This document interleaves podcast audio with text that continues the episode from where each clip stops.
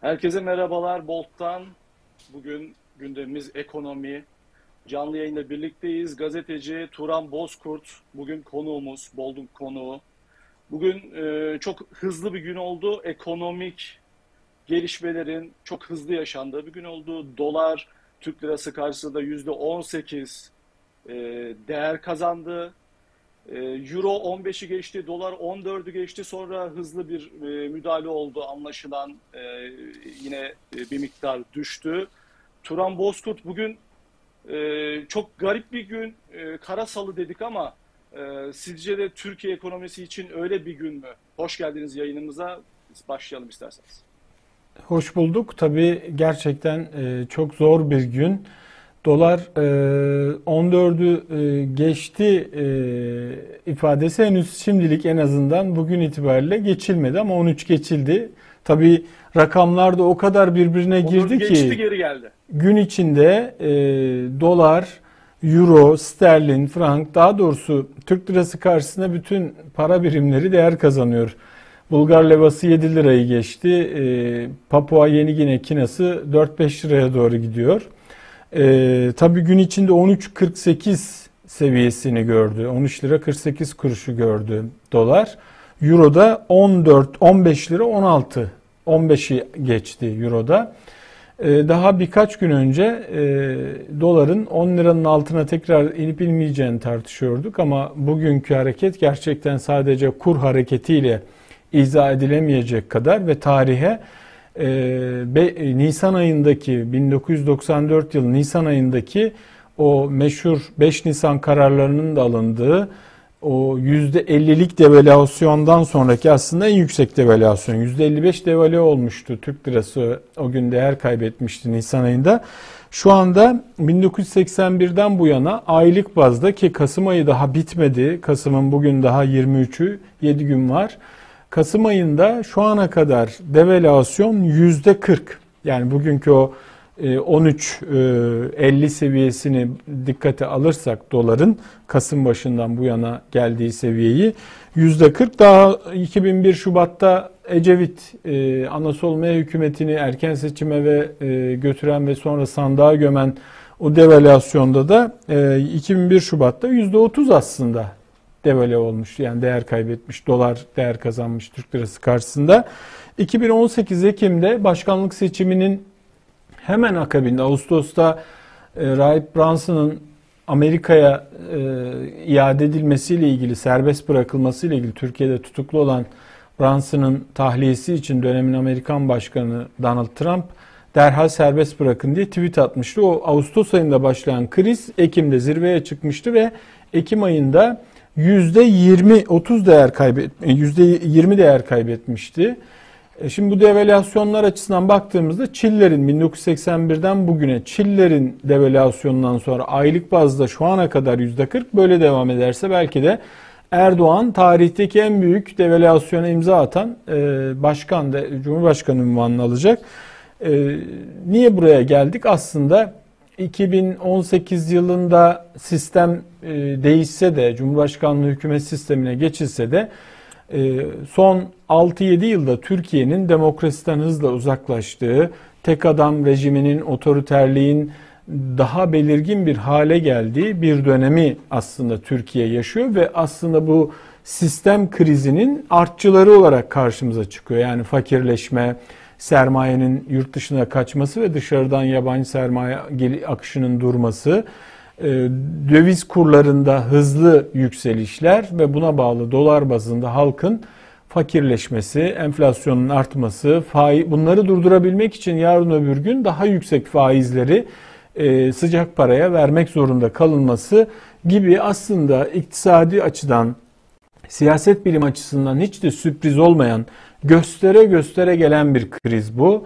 Yani Türkiye maalesef iktidarı ve muhalefetiyle demokrasiden uzaklaşma konusunda bir tavır ortaya koyamadığı için Cumhurbaşkanı Erdoğan kendisine ait bir tek adam rejimi inşa ederken muhalefet de buna bugüne kadar seyirci kaldığı için en azından eleştirilerinde dozu arttıramadığı ve iktidarı yolundan çeviremediği halde halkı da bu konuda organize etmekteki başarısızlığı demokratik anlamda sivil muhalefet anlamındaki başarısızlığı sebebiyle aslında bu tahkim edildi bu otoriter rejim ve Türkiye'ye hiç uymayacağı başından belli olan bu başkanlık sisteminin 3. yılı daha dolmadan Türkiye hem Ağustos'ta başlayıp Ekim'de zirveye çıkan 2018'deki kur şoku üzerinden tekrar 3 yıl geçmeden yeni bir e, yıl dönümünde adeta tekrar bir kur şoku ki aralardaki o sert iniş ve çıkışları saymıyorum. Çünkü kurda bir türlü istikrar sağlanamadı. Maalesef e, tam bir belirsizlik içerisindeyiz. E, kurun nerede duracağı, nasıl kararlar alınacağına dair herhangi bir Ankara'dan bir mesaj yok ki benim e, edindiğim bilgi artık bunun Türkiye'nin gerçekten ucuz iş gücü merkezi deposu haline getirilmesine dönük akla ziyan bir proje bu. Planlı bir devalüasyon yani Türkiye fakirleştirilerek Türkiye'de halk sonuçta dolar zenginlerin cebinde. E, asgari ücretli 2825 lirayla sene başında 390 dolar alıyordu. Şimdi 210 dolar alıyor. Asgari ücretli emekli, memur, işçi herkesin geliri eridi. Çiftçi zaten artan gübre fiyatları, ilaç tohum fiyatları, doğalgaz akaryakıt zamları işte perşembe akşamı benzine yine e, motorine benzine LPG 90 kuruş motorine 80 kuruş zam gelecek. Daha 3 gün oldu olmadı zam geleli. Böyle bir tabloda nereye gideceğimizi bilmiyoruz. Yani bu Türkiye'yi Avrupa'nın Çin'i yapma projesini kimler plan tanzim ettiyse onlar kurun buralara gelmesinden memnun görünüyorlar. Çünkü hiçbir araç kullanılmıyor. Bir Turan Bozkurt. Şimdi e, Erdoğan çıktı dedi ki kur artışı e, istihdamı da artırır dedi. Bu, bu nasıl olacak? Tam az evvel ifade ettiğim şekliyle bir e, beklenti içerisindeler. Bunun üzerine e, bina edilmiş görünüyor bu yeni ekonomi politikası. Kur hızla değer kazanacak, TL değersiz hale gelecek. Bunu Çin yıllardır yapıyor. Yuan'ın değerini Amerika, Dünya Ticaret Örgütü bak sen suni bir şekilde Yuan'ı değersiz tutuyorsun. Dolayısıyla sen diğer para birimlerine karşı, senin kurun başka ülkelerin ihraç mallarına karşı rekabetçi oluyor ve dolayısıyla sen ithal malları da ucuzlattığın için içeride de iş gücü ucuz olduğu için içeride hızlı bir şekilde bunu üretime dönüştürüp daha fazla ithalattan daha fazla üreterek e, hem kalkınıyorsun tabii kontrolsüz bir şekilde Çin'in bu mal çekmesi aynı zamanda dünyada ham madde ve e, yarı mamul fiyatlarını da artırıyor. E, dile kolay yani bu büyük bir iş gücüne sahip. Şimdi benzer bir modeli Türkiye'de uygulamaya kalkmak aslında e, hezeyandan başka bir şey değil. Çünkü Türkiye ne Çin, demokrasi tecrübesi itibariyle, iş gücü piyasası itibariyle, e, ürettiği malların niteliği itibariyle bir kere e, yan yana geldiğimizde Çin'le rekabet etmemiz mümkün değil. Yani Çin e, o coğrafyada o kadar devasa imkanlarla ve Komünist Parti iktidarda ve e, kapalı bir rejim var.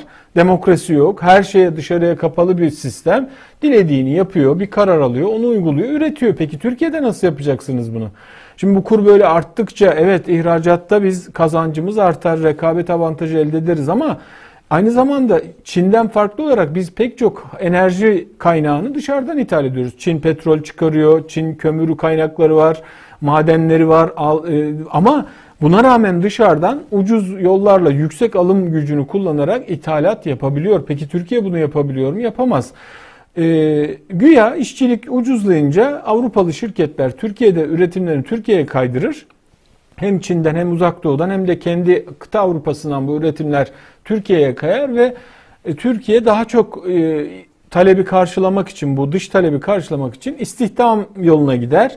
E, ve biz buradan da yüksek döviz geliri elde ederiz. Bu aslında teorik olarak doğrudur ama e, Türkiye bunu kademeli bir şekilde yap yapmalıydı ve belli bir seviyenin altına inmeyecek şekilde rekabetçi bir kur seviyesi belirlenebilirdi.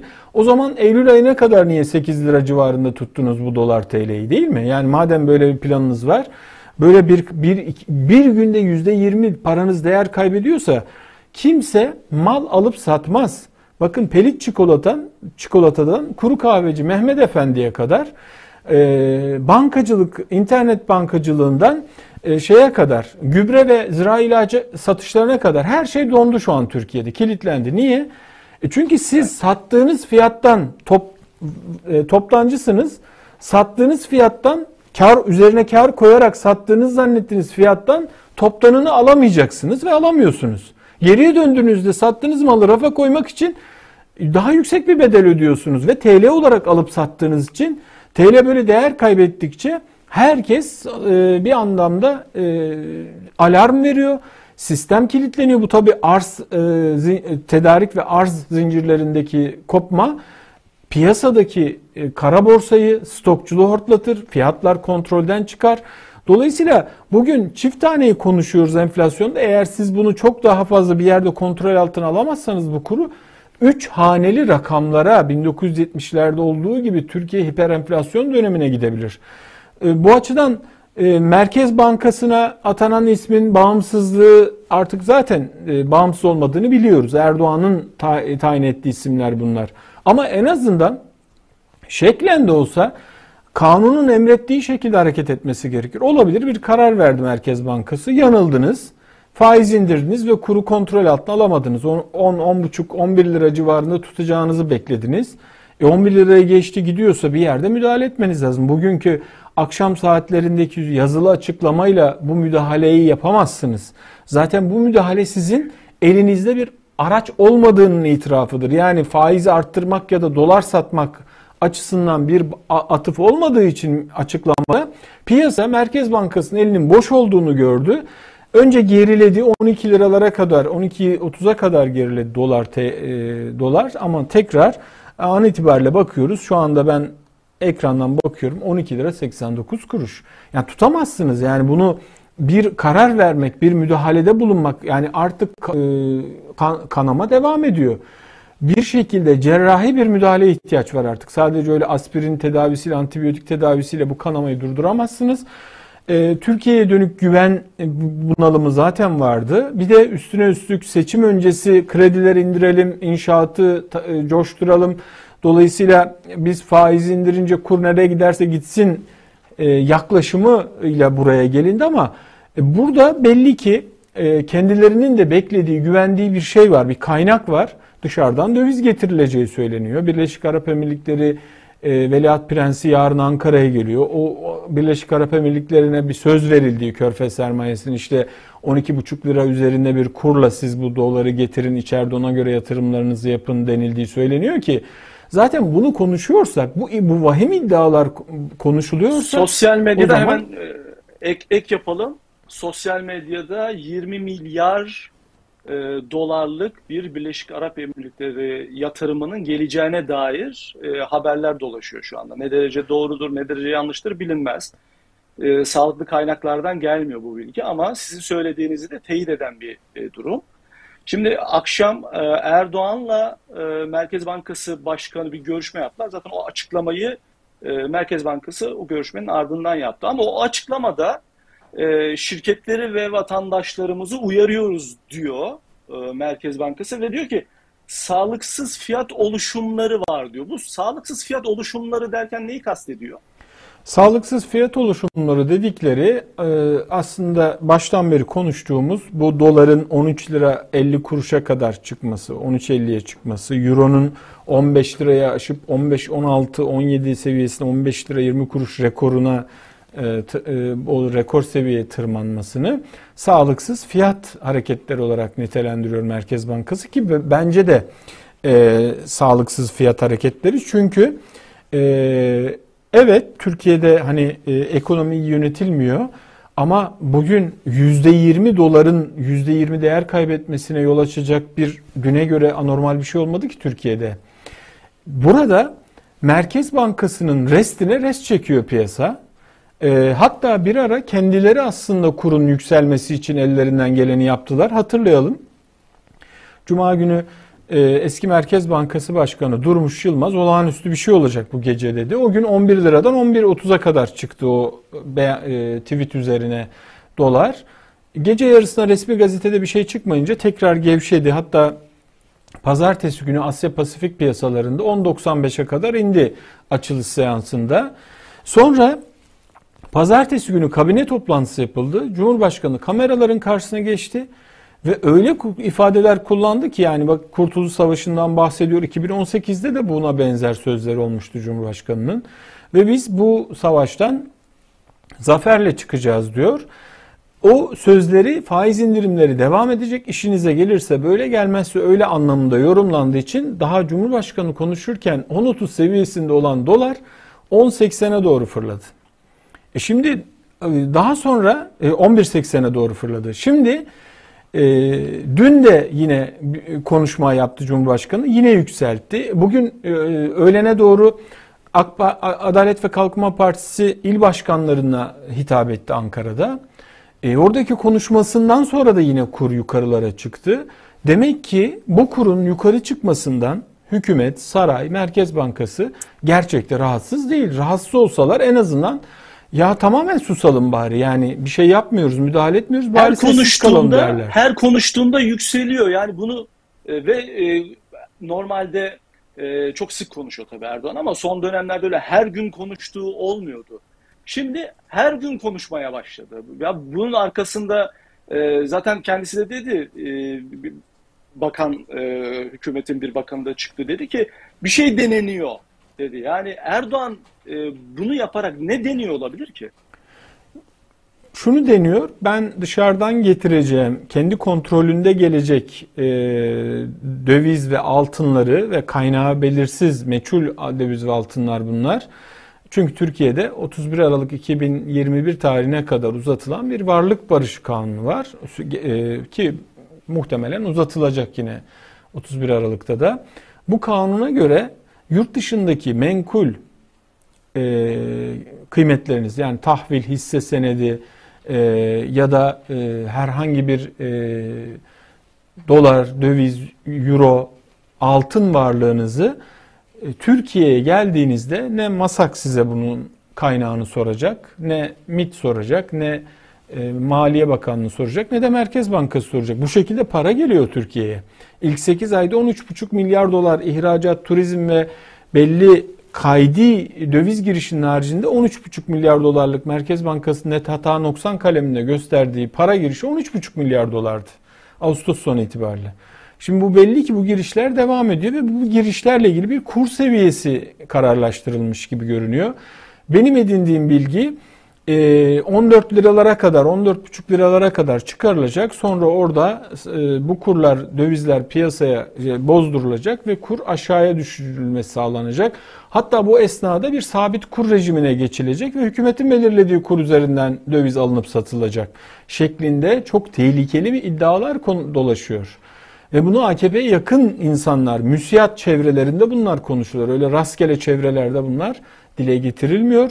Bu çok tehlikeli bir oyun. Yani siz evet planladınız. Dediniz ki şu kadar doları koyarsak, bu hamleyi yaparsak Merkez Bankası zaten bizim sözümüzün dışına çıkmıyor. E dolar o zaman buradan düşer. Peki düşüremezseniz ne olacak? Nitekim 128 milyar doları biz önceki Hazine Bakanı Cumhurbaşkanı Erdoğan'ın damadı Berat Albayrak döneminde 128 milyar dolar arka kapıdan kamu bankaları üzerinden satıldı. Ve hiçbir ihalesi olmadı bunun.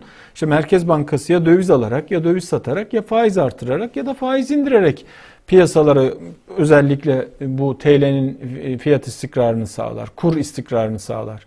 Şimdi bunu yapamıyorsunuz çünkü döviz kalmadı. Net döviz rezervleri eksi 51 milyar dolarda. Emanet dövizleri, swapları, muzam karşılıkları düştüğümüzde, reoskont kredilerin düştüğümüzde eksi 51 milyar dolar. Dolayısıyla böyle bir planın işletildiğini teyit eden konuşmalar bunlar. Hem Cumhurbaşkanı'nın konuşmaları hem de hükümet adına, AKP adına çıkan sözcülerin konuşmaları bir bildikleri var.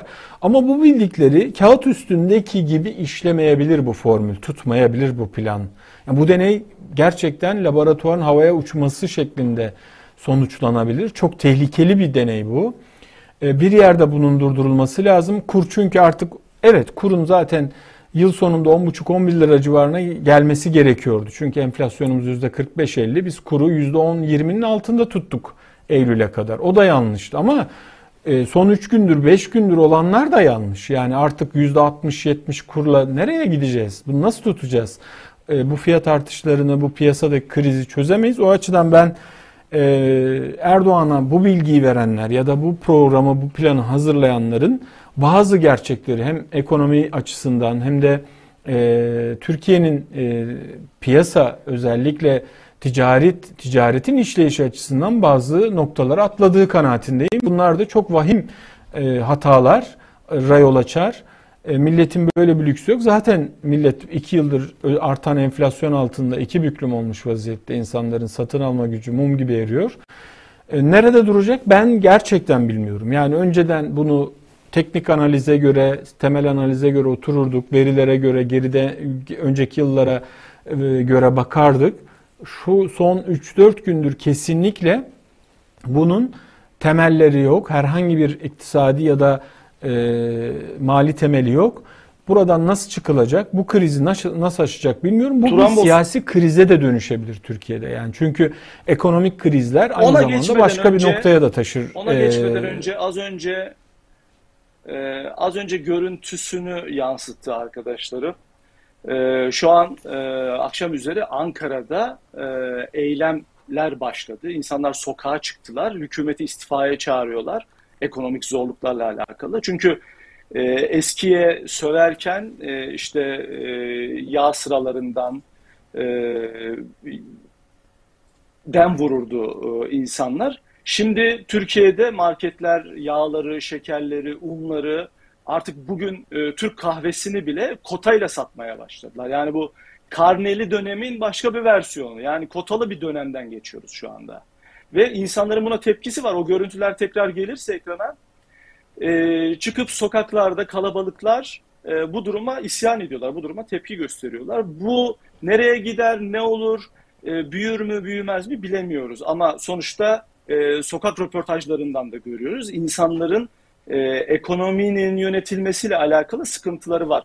Adaletle ilgili, e, suçla ilgili, güvenlikle ilgili konuları e, hiç burada e, masaya yatırmaya bile gerek yok. E, onların durumu da içler acısı. Peki e, bu pahalılık, bu hayat pahalılığı, şimdi doğalgaz faturaları daha gelmeye başlamadı bile. Elektrik faturaları katlanarak e, geliyor. İnsanlar buna tepki gösteriyorlar. Doğalgaz faturaları geldikten sonra e, anlaşılan daha da fazla insanın canı yanacak ya da canı yananın daha da çok canı yanmaya başlayacak.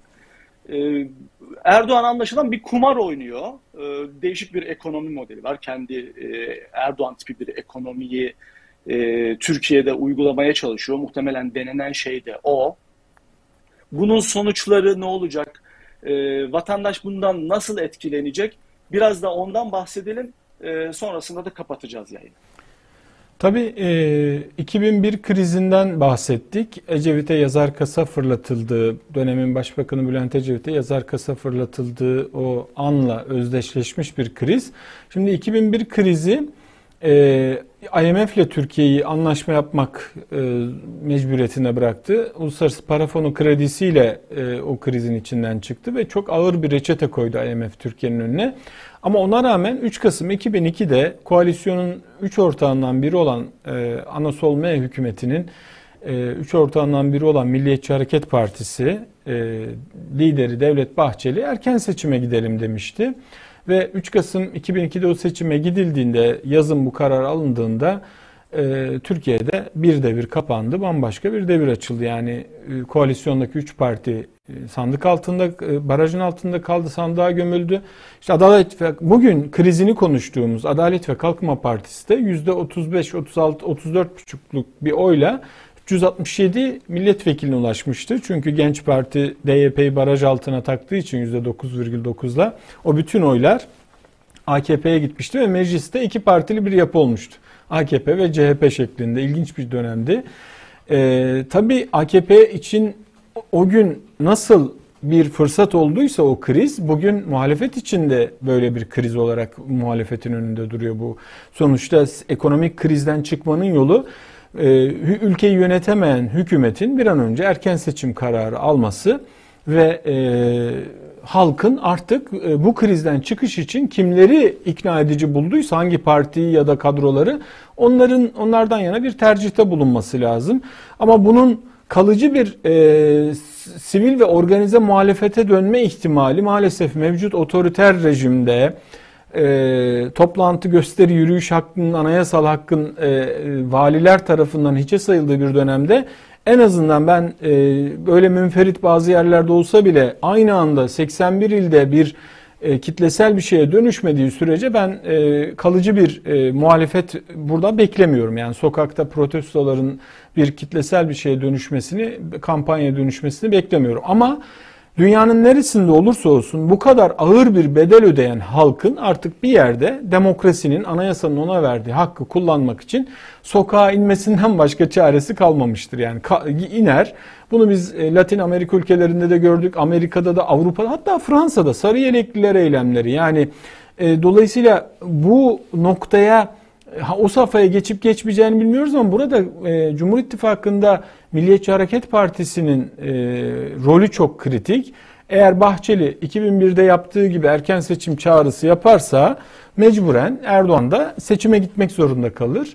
E, bugün her ne kadar 2023'te yapılacak dedi her iki lider de seçim ama bunlar taktik, siyasi taktikler de olabilir. Çünkü bir seçim hazırlığı olduğunu artık hepimiz biliyoruz. Yani Türkiye bu ekonomik ve siyasi belirsizliklerin ortasında 2023 Haziran'ına kadar gidemez. Çünkü artık iktidara dönük desteğin de bugün itibariyle daha da azaldığı bir dönemde Türkiye aslında bir seçim kararı rahatlatır e, ve o arada herkes yeni reçetelerini hazırlar ve halk da bunlardan en uygun ve en ikna edici olanını e, tercih eder. E, fakat e, bugün inanın 2001'de o günkü programın başında anlattım. Yüzde 100, 2001 Şubat'ta yüzde 30 devalüasyon olduğunda yazar kasa fırlatıldı. Şu anda Ekim ayı 2018'deki Ekim'deki o yüzde 20-30'u bir kenara bırakıyorum. Sadece bu Kasım ayında şu ana kadar yüzde 40 devalü olmuş paramız. Ee, ortada aslında çok da öyle e, o günle mukayese edilebilecek bir halk tepkisi de yok. Ne yazık ki insanların sinirleri alındı, sindirildi. Silivri soğuktur esprisi bir kabule dönüştü. Evet. Ee, yani e, o yazar kasanın atılma anındaki e, öfke, e, çaresizlik belki de aslında şimdi bu görüntülerde de var, yok değil. İstersen e, o görüntüleri bir izleyelim. E, ondan sonra konuşmaya devam edelim.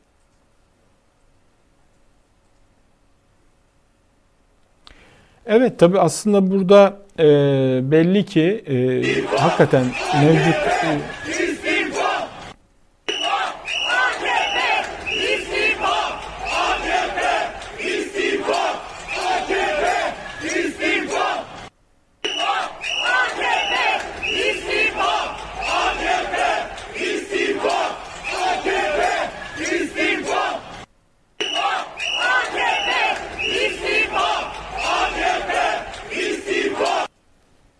gelindi tabii. Önceden e, Bülent Ecevit'e, Ecevit'in başbakan olduğu dönemde başbakanlık önünde yazar kasa atılabiliyordu ama şu anda tweet bile atılamıyor noktasında. Maalesef. E, evet sindirilmiş sindirilmiş bir e, korkutulmuş bir e, toplum var.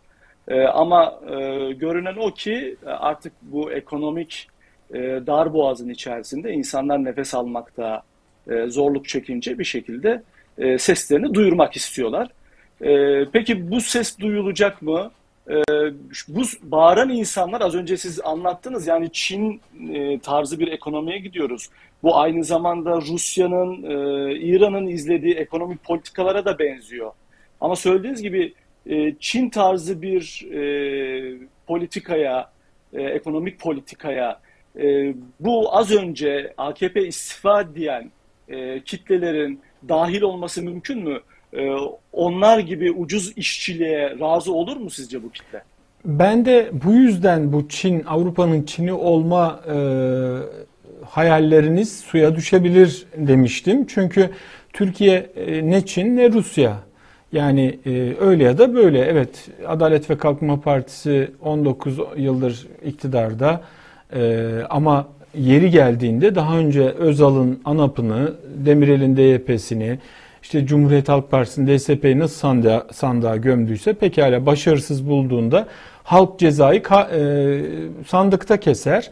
Ama bugünkü bu eylemin e, istifa, AKP istifa sloganlarına dönüşüyor olması artık birikmiş öfkenin dışa vurumu.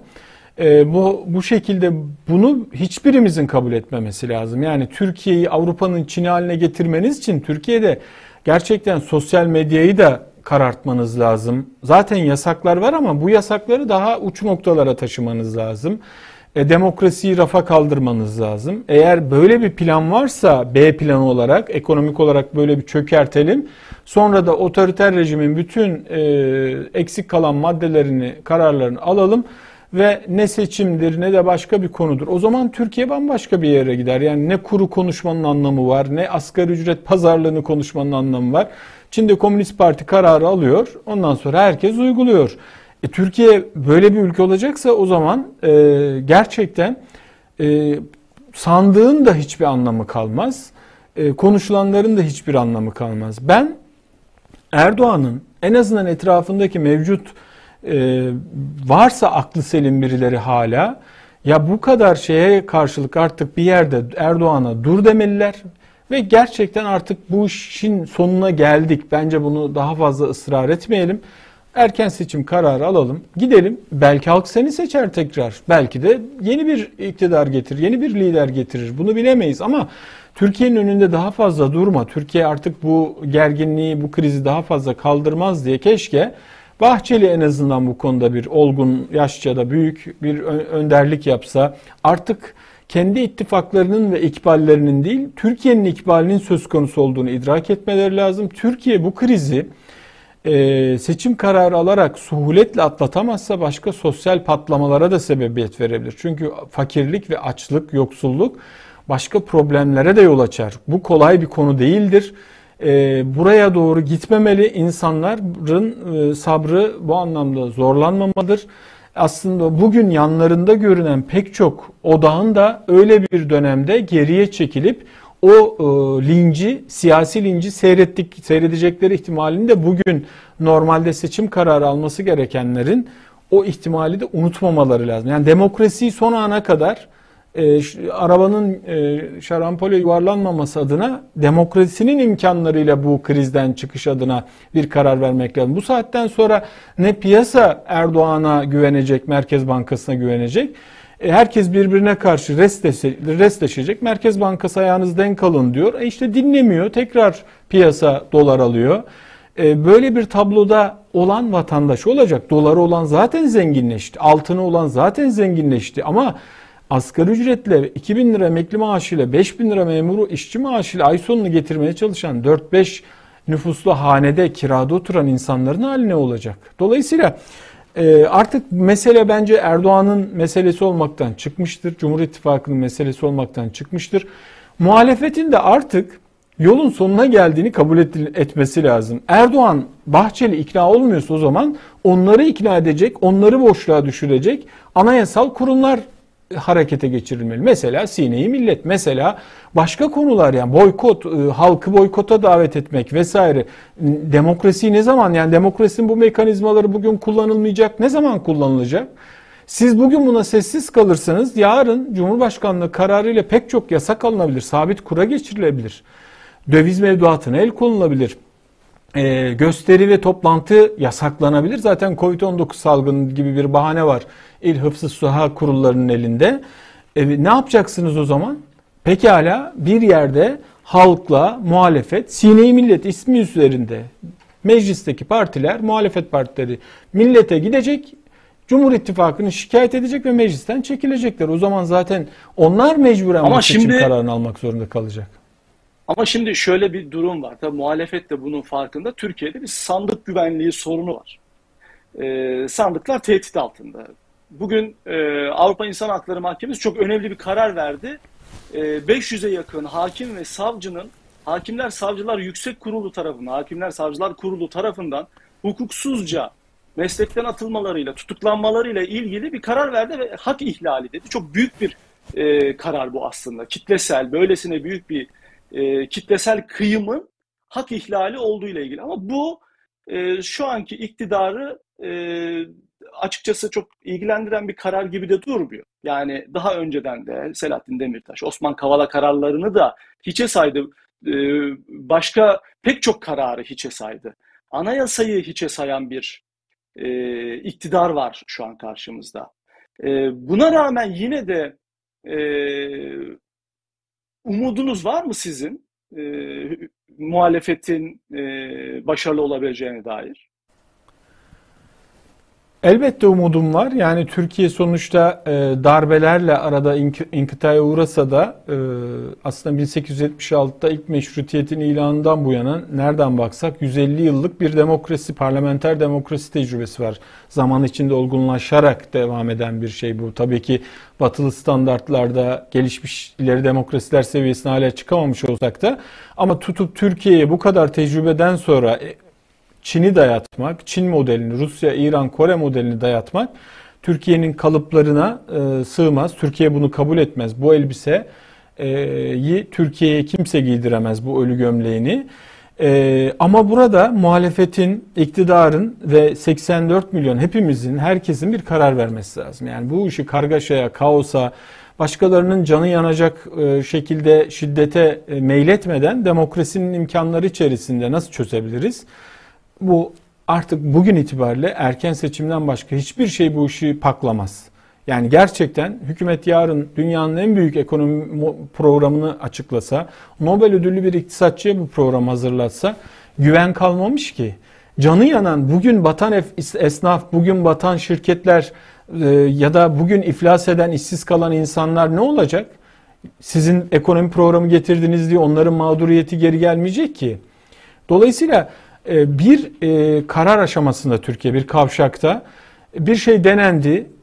Tek adam rejiminin, başkanlık sisteminin hele hele mevcut 2017'deki referandumda kabul edilen ve 2018'den beri Temmuz'dan beri uygulanan bu ucube sistemin Türkiye'yi kilitlediğini gördük. Bir kişiye yasamanın, yürütmenin bütün yetkilerinin verilmesi, hatta yargı üzerinde bu ağırlığın, bu hükümranlık haklarının tanınması yargı bağımsızlığının içe sayılması Türkiye'yi maalesef bugünkü felakete sürükledi. Keşke o günlerde yapılan çağrılara kulak verilseydi. Keşke 2016 darbe teşebbüsü ikliminin nasıl tek adam rejimini inşa etmek için iktidar tarafından Erdoğan tarafından bir fırsata dönüştürüldüğüne dair eleştirilere muhalefet dahil halk kulak verseydi. Hala geç sayılmaz. Pekala bu yanlışı yaptık. Yine sandıkta yapılan bu hata sandıktaki başka bir kararla tasih edilecek, düzeltilecek, düzeltilmelidir. Yoksa bu Erdoğan için, Erdoğan ailesi için, Türkiye için, Türkiye ekonomisi için bu gidiş hayra alamet değil. Bu kriz siyasi krize dönüşür. Siyasi ve ekonomik kriz sosyal krize, patlamalara sebebiyet verebilir. O zaman işte gerçekten Türkiye çok daha fazla ağır yaralır. Bugün kaybettiğiniz dövizi Bugün kaybettiğiniz işi yarın istikrarı sağlarsanız 2001 krizi ve daha önceki krizler 90 2009 krizinde olduğu gibi geri yerine koyabilirsiniz. Ama kaos varsa 12 1980 öncesine dönerse Türkiye ben ağzıma almak bile telaffuz etmek bile istemiyorum. Ama e, fakirliğin ve e, siyasi istikrarsızlığın aynı zamanda başka e, toplumsal olaylara sebebiyet verdiğini tarihten de bu dersi almamız lazım. Türkiye'nin yeni bir maceraya lüksü yok. E, muhalefet çok iyi organize olmalı. Bu hatadan dönüş için çözüm yollarını halka iyi anlatmalı ve iktidarı erken seçime ikna etmenin yollarını ve yöntemlerini bulmalı.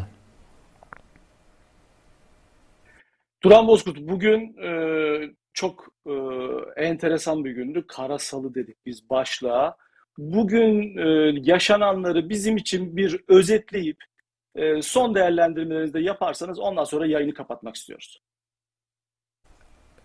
Devletlerin tarihinde, e, milletlerin tarihinde çok dönüm noktaları vardır. Aslında o dönüm noktaları ilk planda e, çöküş gibi, kriz gibi görünen, olumsuz gibi görünen olaylarla başlar o dönüm noktaları. Yani krizin içerisinde bir fırsat vardır.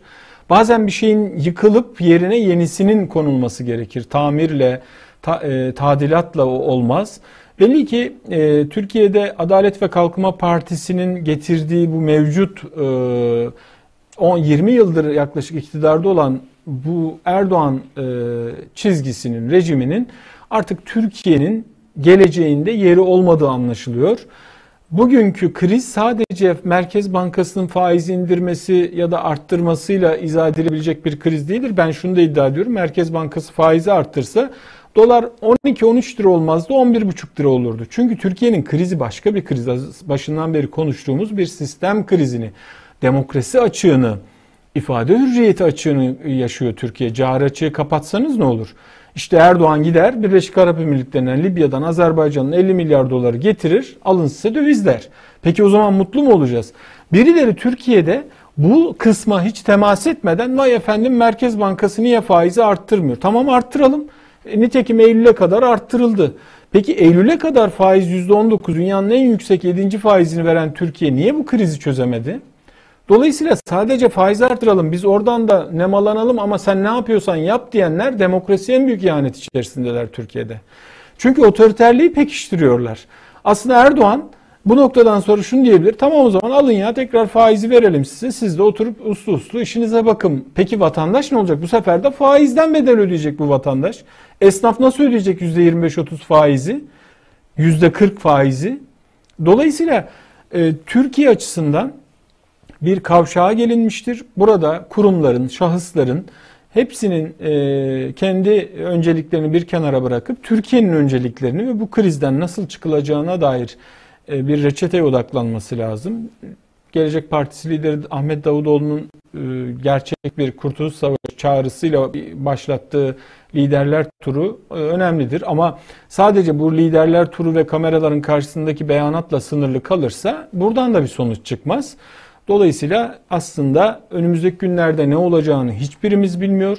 Yani dolar 10 liraya da inebilir, 20 liraya da 15-20 liraya da çıkabilir. Bu belirsizlik ortamını giderecek bir takım rahatlatacak 3 aylık, 5 aylık, 6 aylık bir kararlar manzumesinin açıklanmasından başka ve erken seçimin günün sonunda 6 ay, 1 yıl sonra ne zaman olacaksa o seçim, o seçimin işaret edilmesi lazım ki halk da artık en azından seçime kadar olup bitenleri sineye çekecek, sabredecek, dişini sıkacak ve sandıkta bir karar verecek. Yoksa ekonomik olarak bile çözülebilecek bir durum artık maalesef o safhayı çoktan geçtik. Turan Bozkurt çok teşekkürler e, yorumların, değerlendirmelerin, aktardığın bilgiler için. E, şimdi yeni eylemler var. Eylemlere e, İstanbul Kurtuluş'ta da e, polis müdahalesi var. Çok e, demokratik çerçevede e, hak talebinde bulunmak son derece e, doğal olması gereken bir şey. Ama Türkiye'de bu sınırları e, ne yazık ki e, bazı provokasyonlarla da aştırabilirler. E, o yüzden çok dikkatli olmak gerekiyor bu eylemlere karşı. E, polisin orantısız güç kullanması her zaman Türkiye'de çok e, özellikle son dönemde, son 6-7 e, yılda çok fazla yaşanan e, bir vaka. E, bunlara karşı da çok dikkatli olmak gerekiyor. Umarız bu insanların, halkın tepkisi iktidar tarafından duyulur ve en azından öncelikle bir ekonomik rahatlama, hemen akabinde bir adaletle ilgili rahatlama yaşanır. Birazdan Bolt'ta Erdoğan'ın ekonomi politikasıyla alakalı bir dosya yayında olacak. Erdoğan kumar mı oynuyor e, diye soruyoruz. E, ekonomik iflas planı diye yorumluyoruz. Biz bu e, Erdoğan'ın yaptıklarını onu az sonra Bolt'ta izleyebilirsiniz. Çok teşekkürler Turan Bozkurt.